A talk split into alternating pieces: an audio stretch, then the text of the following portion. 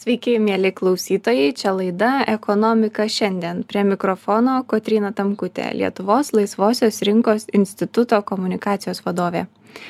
Valstybės kontrolė, vykdydama fiskalinės institucijos funkcijas nuo rugsėjo, pradeda skelbti savo makroekonominės prognozes ir taip įsilieja į prognozuotojų būrį kartu su tokiomis institucijomis kaip Lietuvos bankas ar Finansų ministerija.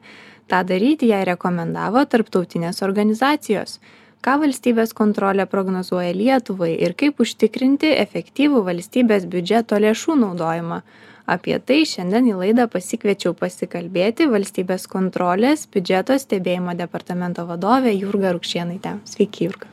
Sveiki. Tai, nu, pirmiausia, gal e, toks, e, nežinau, e, paprastas klausimas, bet labai svarbus turbūt, kaip mūsų dėstytojai atsimenu sakydavo per paskaitas, pirmiausia, apsibrieškime savokas, ar ne, kiekvienai diskusijai tai svarbu.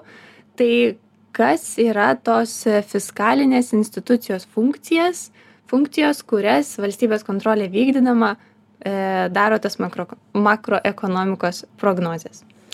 Taip, tai dėkui iš klausimą ir, ir pirmiausia irgi dėkui, kad pakvietėte į laidą. Na tai mm, nepriklausoma fiskalinė institucija yra apibrėžiama kaip nuo politikos nepriklausoma institucija ir jos mandatas gali apimti ne vieną funkciją. Tai yra ir fiskalinių taisyklių vertinimą, fiskalinio tvarumo vertinimą, biudžeto stebėseną, makroekonominių prognozių rengimą arba tvirtinimą, fiskalinės politikos rekomendacijų teikimą. Ir tai yra susiję su tuo, kad fiskalinė institucija jis tengiasi uh, jis fiskalinė institucija e, fiskalinės institucijos sakykim pagrindinė funkcija stengtis užtikrinti kad viešieji finansai būtų valdomi tvariai.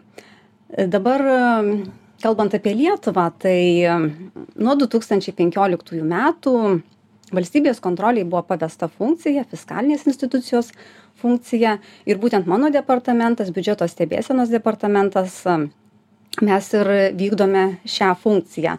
Be mano na kaip išvardintų tokių pagrindinių veiklų tai mes dar turime ir vaidmenį dėl išskirtinių aplinkybių ir atšaukimo ir priėmimo ir ir dar ką paminėčiau kad e, lietuvoje sakykim tokia sąranga yra na viena iš unikalesnių nes dažniausiai pasaulyje ir europoje tokios institucijos jos yra na kaip atskiros nepriklausomos o štai lietuvoje na dar ir taip pat ir suomijoje E, reiškia valstybės kontrolei pavesta tokia, tokia funkcija. Taip pat dar prie savokų, kaip aš paminėjau, fiskalinės drausmės taisyklės. Tai, na, paprastai sakyčiau taip, kad tai yra tam tikros taisyklės, jos apibrieštos teisės aktuose ir viešieji finansai tiek ir planuojami ir valdomi e, turi prisilaikyti tų fiskalinės drausmės taisyklių. Tai tas, yes. iš, tas išskirtinumas, kurį paminėjote, įdomus. E, kokių čia, sakot, kad išskirtinė, ar ne, Lietuvos, Lietuvos atvejais kartu su Suomiais mes turim, e, kad tą biudžeto Taip. stebėjimo funkciją vykdo ir valstybės kontrolė, tai čia gerai ar blogai? Na, matyt, yra ir pliusų, ir, ir minusų, sakykim, tame, bet kodėl buvo, kaip minėjau, 2015 metais pasirinkta būtent valstybės kontrolė, jai pri, paskirta ta funkcija tai na lietuva iš tikrųjų nepriklausomybė mūsų atkurta na kaip sąlyginai ne ne taip seniai sakykim galbūt nėra tradicijų dėl nepriklausomų institucijų dėl atskirų institucijų tai buvo nuspręsta kad valstybės kontrolė turi pakankamai gerą reputaciją e, ir ir kad galės vykdyti dar vieną funkciją e, jeigu valstybės kontrolės viena iš funkcijų funkcija yra e, užtikrinti ar ne biudžeto tvarumą, valstybės e, lėšų panaudojimo efektyvumą. E, natūraliai, e, kad galėtumėm tą padaryti, svarbu ir turbūt užsimti tomis makroekonomikos prognozėmis. E, tai ką jos apima ir, e, ir ką prognozuojate. Kita vertus, e, tikrai turim nemažai prognozuotojų, ar ne? E, visą laiką dėl ekonomikos ateities e, savo įžvalgas pateikia ne tik Lietuvos bankas ir finansų ministerija, bet ir, ir, ir verslo įmonės e, pačios ir verslo asociacijos. Tai kuo valstybės kontrolės e, makroekonomikos prognozijas yra išskirtinės? Mhm. tai pirmiausia pradėčiau nuo to kad valstybės biudžetas turi būti sudaromas pagal labiausiai tikėtiną labiausiai tikėtiną atsargų makroekonominį fiskalinį scenarijų ir nuo pat įkūrimo nuo du tūkstančiai penkioliktų metų mes vertiname finansų ministerijos rengiamą ekonominės raidos scenarijų. Tai kalbant apie mūsų dabar prognozes tai sakykime tos mūsų rengiamos prognozės jos yra kaip vienas iš pagrindinių elementų kaip atskaitos taškas vertinant finansų ministerijos scenarijų. Ir savo mes prognozuojame tokius pagrindinius makroekonomikos rodiklius kaip bendrasis vidaus produktas jo komponentai tokie kaip investicijos namų ūkių vartojimas užsienio prekyba taip pat infliacija darbo rinkos rodikliai tokie kaip ir ir užimtumas ir ir ir nedarbo lygis. Tai yra na bendri tokie ekonominiai rodikliai ir ir ir mes juos prognozuojame einamiesiems metams ir trejiems metams į priekį taip dabar kam kai buvo klausimas kam kuo išskirtinės sakykim tai žinoma ir kitos institucijos atlieka prognozavimą, atlieka panašių rodiklių prognozavimą. Mums, kaip minėjau, svarbu tai, kad mums padeda priimti sprendimą dėl, dėl scenarijaus tvirtinimo. Iki šiol mes taip pat rengdamom tik tai vidiniam naudojimui, dabar nuspręsta, kad, na, norint didinti savo ir skaidrumą, ir patikimumą, mes skelbėme jas viešai. Tai atitinka ir ebpo rekomendacijas kurios buvo teiktos du tūkstančiai devynioliktais metais. Ir visuomenei ar ne tada didina žinojimą ir galima lyginti žiūrėti kažkokius tai taip ir ir sakyčiau kad kuo daugiau skirtingos institucijos rengia prognozes tai yra kaip mhm. pasakyti platesnis žinomumas didesnis mes na aprėpiame įvairių institucijų tuos vertinimus dar taip pat paminėčiau kad e, skirtingų institucijų prognozės gali šiek tiek skirtis dabar kodėl atsiranda tie skirtumai? Gali būti taikomos šiek tiek skirtingos prielaidos. Gali būti na modeliavimo tam tikros ypatybės. Priklauso ir kokie statistiniai duomenys kita informacija panaudota. Tai tai ir ir yra tas sakykim o mūsų pagrindinis tikslas tam kad kad priimti sprendimą ir ir būti skaidresniems būti patikimesniems tam ir skelbiame Mhm.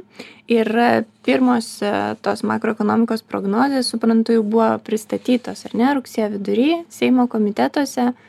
E, tai kas mūsų laukia ir į ką valstybės kontrolė beda pirštų labiausiai? Mhm taip tai mes išleidome pirmą kartą išleidome savo prognozes kartu su vertindami finansų ministerijos ekonominės raidos scenarijų išleidome e, rugsėjo devynioliktą dieną dabar ka kas sakykim mūsų laukia na tai taip mes e, bendrai sakyčiau kad tiek mes tiek finansų ministerija tiek lietuvos bankas e, matome tą lietuvos raidą iš tikrųjų panašią. Šiemet antras ketvirtis jau buvo žymiai geresnis rodikliai tie kaip žinome bendrojo vidaus produkto ir ir kiti rodikliai tai šiek tiek buvo pagerintas šių metų na pašvelnintas kritimas taip sakykim bvp ir ir dabar siekia prognozuojam finansų ministerija tiek ir mes kad šiemet bvp susitrauks nulis kablelis keturi procento o kitais metais kadangi vyrauja e, geopolitinė įtampa taip pat na vis tiek neapibrėžtumas ir dėl energetikos kainų išlieka ir dėl išorės paklausos tai kitų metų prognozes šiek tiek žinoma jau e, ekonomika augs bet šiek tiek prilėtiname tą augimą. Ir e, sutinkame su tuo kad praktiškai tas užsienio paklausos atsigavimas euro zonos šalių tokių kaip vokietijos kitų svarbių mum partnerių atsigavimas matyt numatomas labiau į antrąją kitų metų pusę. Mhm. e, dar šiek tiek apie, apie tas pačias e, prognozes, tai kokie įvykiai ir tendencijos užsienį jūs minėjot, ar ne, šiek tiek e, veikia Lietuvos ekonomikos perspektyvas, galbūt irgi yra kažkokie tai e, procesai, į kuriuos jūs daugiausiai kreipiate dėmesio? Mhm. Tai tiek ir prognozuodami, ir, tiek ir analizuodami finansų ministerijos rengiamą scenarių, žinoma, mes pirmiausia išsianalizuojame tiek makro aplinką, tiek makro aplinką, tai reiškia, kad ir, ir, ir didžiųjų valstybių ekonominę raidą, tiek dabar, kas veikia, kaip minėjau, geopolitika, taip pat energetikos kainos. Žinoma, jos jau stabilizavosi. Tikrai jau tos kainos, tiek naftos, dujų ir taip toliau, jos yra jau žemesnėme lygyje negu kad pernai, nors išlie, pats lygis išlieka aukštesnis, sakykime, negu anksčiau, negu kad ten 21 metais. Tai šitas. Taip pat pabrėžčiau dar monetarinė politika, griežtėjantį monetarinė politika. Tai jie, ji tikrai veikia tiek ir kita, kitų šalių ekonomiką, tiek ir mūsų. Nors iš kitos pusės dabar žiūrint, jeigu į, sakykime, vartotojų apklausas, tai vartotojai, na, negaliu sakyti, kad labai optimistiškai nusiteikia, bet gana, gana optimistiškai kadangi darbo rinka išlieka tikrai stipri. E, matom, kad atlyginimai auga tiek ir iš sodros duomenų, tiek ir iš valstybės duomenų agentūros e, pateikiamų duomenų. Tai infliacija mažėja, tai reiškia, kad vartotojų, namų ūkių, na, pajamos jos santykinai didėja, perkamoji galia auga. Tai čia yra matyti geras ženklas. Dabar kalbant apie verslą, žinoma, išlieka tie iššūkiai tiek su pramonės sektorium, tiek e, su kai kuriais kitais sektoriais, bet vėlgi tam tikrų ženklų matome, kad e, iš verslo tendencijų kaip tik šiandien išėjo, e, taip galbūt verslas mato, na, negatyviai, sakykime, tą ekonomikos raidą tiek šiemet, tiek galbūt kitais metais nesitikima labai spartaus atsigavimo, tačiau jau tam tikras matosi stabilizavimasis ir ir sakykim ir pramonė pati tai irgi ne visi sektoriai viduje krenta kaip sakyt susitraukimas. Kai kurie sektoriai visai visai gerai laikosi. Nemažai duomenų reikia apimti e, dirbant e, su makroekonomikos prognozėmis. E, kaip kaip apimti tiek duomenų ir kaip susižiūrėti visas tas tendencijas ir visus statistikos duomenis? Kaip kaip jūsų atrodo tas darbas? Mhm taip tai šiek tiek nukrypstant ar ne bet vis tiek kai klausai tai tikrai atrodo kad reikia daug daug reikalų čia.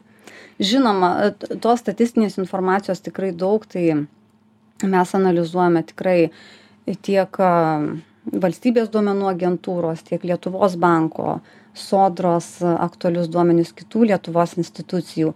Taip pat analizuojame prognozes tarptautinių institucijų ką jos sakykime numato lietuvai ir, ir kitom šalim. Tai taip, mes turime susikūrę nemažai ir modelių, ir tam tikrų sistemų, kas na, palengvina e, statistinės informacijos e, tiek ir analizę, tiek ir tam tikrą parengimą ir, ir turime ir na, įvairių ir, ir, ir grafinių, sakykime, priemonių. Taip pat dar paminėčiau, kad su kiekviena savo išvada mes viešiname ir, ir e, su kiekviena mhm. savo išvada mes viešiname ir rekomendacijas kažkokias, ar ne? Excelinius, Excel failo Duomenys. tipo taip e, failus, kuriuose vartotojai gali rasti na, informaciją, kuri mhm. panaudota, sakykime, išvadoje, grafikams ir, ir tai, tai mhm. va tą mes irgi stengiamės, kad kuo skaidriau kuo daugiau pateikti tos informacijos kai kokiu būdu mes priėmėm sprendimą. Taip tam informuotumui vėlgi didinti ar ne ir atvirumui duomenų e, rekomendacija skelbti šitas prognozes e, pateikė ekonominio bendradarbiavimo ir plėtros organizacija. Ar ją kažkas neramino ar čia yra bendro pobūdžio rekomendacija visoms valstybėms? Mhm. tai 2019 metais e, ekonomikos bendradarbiavimo organizacijos vadovaujame, na, tokia kaip ekspertų grupė, atliko mano departamento, na, tai yra Lietuvos fiskalinės mhm. institucijos išorinė peržiūra. Ta peržiūra, jinai remiasi kuo? Ji remiasi būtent EBPO e, principais tokio tipo institucijoms ir žiūrima, ar, ar pati institucija na ir jinai atitinka tuos principus ta veikla ar atitinka. Tai tarkime žiūrima ar institucija būtent nepriklausomumo ar institucija atitinka nepriklausomumo kriterijų ar prieina prie statistinės informacijos kitos informacijos ar pakanka tiek finansinių išteklių tiek ir sakykim žmogiškųjų išteklių ir viena iš tų rekomendacijų nes aš sakyčiau tai yra bendro pobūdžio rekomendacijos buvo mum pateiktos viena iš tų rekomendacijų buvo kad būtent na didinti departamento skaidrumą patikimumą reikia skelbti ir savo ir savo prognozes. Tai... Tuo labiau, kad jūs visą laiką jas darydavote, tai. ne tik tai dėl skelbimo.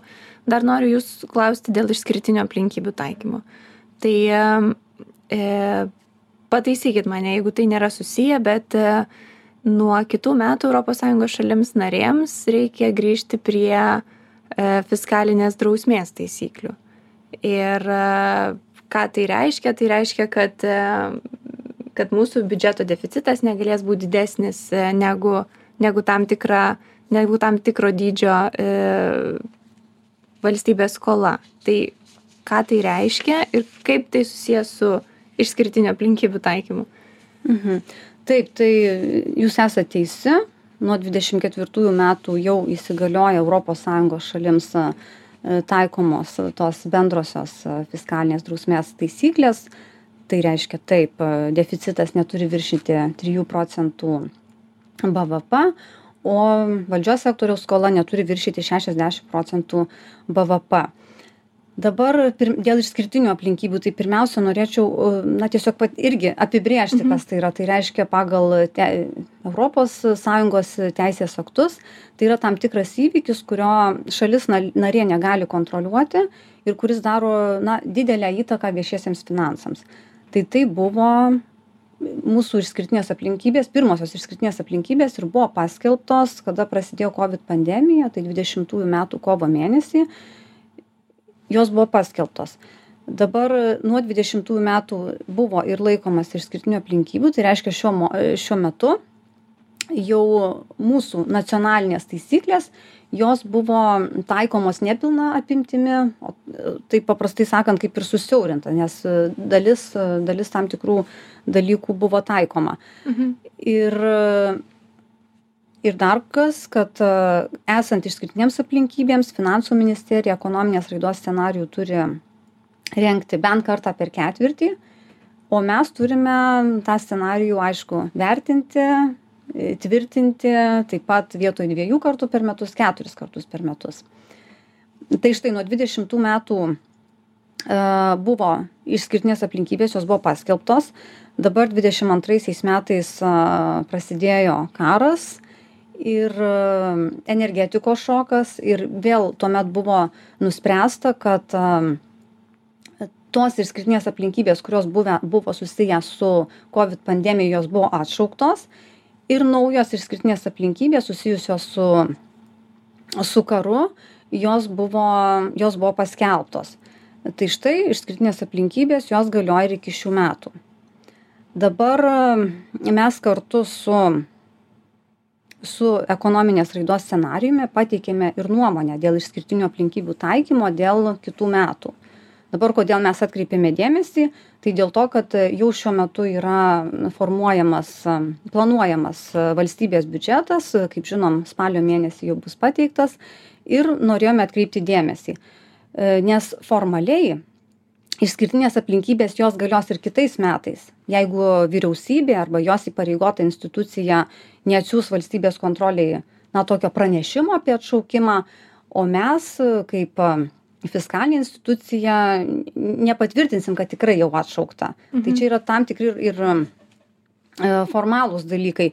Dabar, kai mes vertinom ekonominės raidos scenarių, tai tuo, moment, na, tuo metu, sakykime, mes neturėjome informacijos, kad tikrai reikia pratesti dar ir 24 metams e, išskirtinės aplinkybės dėl to, kad darbo rinka yra pakankamai stipri, na tikrai matosi atlyginimai auga energetika jau ji yra stabilizavusis kainos yra žinoma gali tam tikrų nedidelių šokų bet energetikos sektorius tikrai stabilizavęsis ir dujų sakykim užpildymas terminaluose jisai jisai vyksta. Taip pat ir ir ir ir kiti infrastruktūros sakykim pakeitimai tiek sąjungos šalyse tiek lietuvoje. Na ir ir tuo pačiu rėmėmės kad ir ir europos sąjungoje nuo dvidešim ketvirtų metų tos bendrosios bendrosios taisyklės. europos sąjungos šalims jos jau tikrai galios pilna apimtimi. Tai tai čia ir ir kvietėme tai tai peržiūrėti ir taip pat dalyvaudama seime komitetuose irgi tą akcentavau. O dar patikslinkit e, tai vėlgi gerai ar blogai ne? Tai tai kas yra ne nežinau ne ne negerai neefektyvu ar kokios yra problemos su tuo išskirtinių aplinkybių taikymu kodėl jas jūs rekomenduotumėt? Galbūt ar atšaukti ar ar peržiūrėti? Taip tai išskirtinės aplinkybės tai reiškia kad na nėra pilnai taikomos nacionalinės fiskalinės drausmės taisyklės. Tai reiškia kad deficitas gali nukrypti labiau e, gali didėti labiau skola gali didėti labiau skola ir na trumpu laikotarpiu kai yra na tikrai tam tikri sukrėtimai tai išskirtinės aplinkybės tikrai turi būti įvestos valstybė turi padėti tiek tiek verslams sakykim tiek gyventojams bet kai jau e, nėra tokių didelių sukrėtimų tai reikia grįžti prie prie fiskalinės drausmės taisyklių tam kad užtikrinti būtent fiskalinį tvarumą fiskalinis tvarumas taip tai yra reikia užtikrinti kad kad finansai būtų tvarūs ilguoju laikotarpiu kad skola na per daug nedidėtų nes yra ilgalaikiai įsipareigojimai ir ir jie turi būti už e, jų turi būti laikomasi. Laikomasi. Ir tai galioja ar ne labai daug skirtingų sričių, ne tik tai finansams, bet ir visur, kur e, galbūt yra arba skolinamasi, arba didinamos išlaidos ir panašiai. Taip, tai čia galioja, na, kaip sakyt, visam mhm. valdžios sektoriui. Tai tiek ir savivaldybėms yra taisyklės tiek ir atskirai sodros psdfo biudžetui. Tai tikrai čia apibendrinčiau taip kad na visi visiem visiems viešiesiems finansams tos taisyklės. Kokias jūs rizikas įžvelgiat jeigu vis dėlto ir toliau bus laikomasi tų išskirtinių aplinkybių? Ketveri metai gali būti. Mhm. Na vertinant iš tikrųjų mes vertinome parengtą stabilumo programą ir e, joje tiek finansų ministerija tiek mes sakykim matome kad pagal taip kaip buvo suplanuota čia aišku stabilumo programa turi būti pateikta iki iki balandžio pabaigos. Tai kaip buvo suplanuota tai e, matėsi kad e, na tas planas viešųjų finansų planas jisai atitinka sąjungos jau pilnas taisykles ir panašu kad atitinka ir na pilnai atitinka ir nacionalines taisykles na bet dabar artėja biudž biudžeto planavimas tai na kol kas negalim mes to įvertinti ar atitiks. Tai tai žiūrėsime nes sakykime tų išlaidų poreikis įvairioms sritims tai yra tikrai nemažas. Prieš rinkimus ar ne dar irgi mėgstam tai daryti. taip na norėtųsi tikėti kad jeigu kaip sakyt planuojamas biudžetas jis bus laikomasi europos sąjungos šalims taikomų fiskalinės drausmės taisyklių. Tai na mes tikime kad ir ir turėtų būti stengiamasi kad ir laikytųsi ir ir nacionalinių taisyklių. Ačiū jurga. Labai išsamus pokalbis e, bet reikalaujantis turbūt ir pratęsimo ar ne? Ir apie išskirtines aplinkybes vėliau ir apie biudžeto e, ir tvarumą ir efektyvumą. E, ačiū Jums už pokalbį. Laidoje kalbėjausi su valstybės kontrolės biudžeto stebėjimo departamento vadovė Jurga Rukšienaitė. Kalbėjomės apie valstybės kontrolę, jos vykdomas fiskalinės institucijos funkcijas ir apie makroekonomikos prognozes. Ačiū klausytojams uždėmesi ir likite su žinių radiju.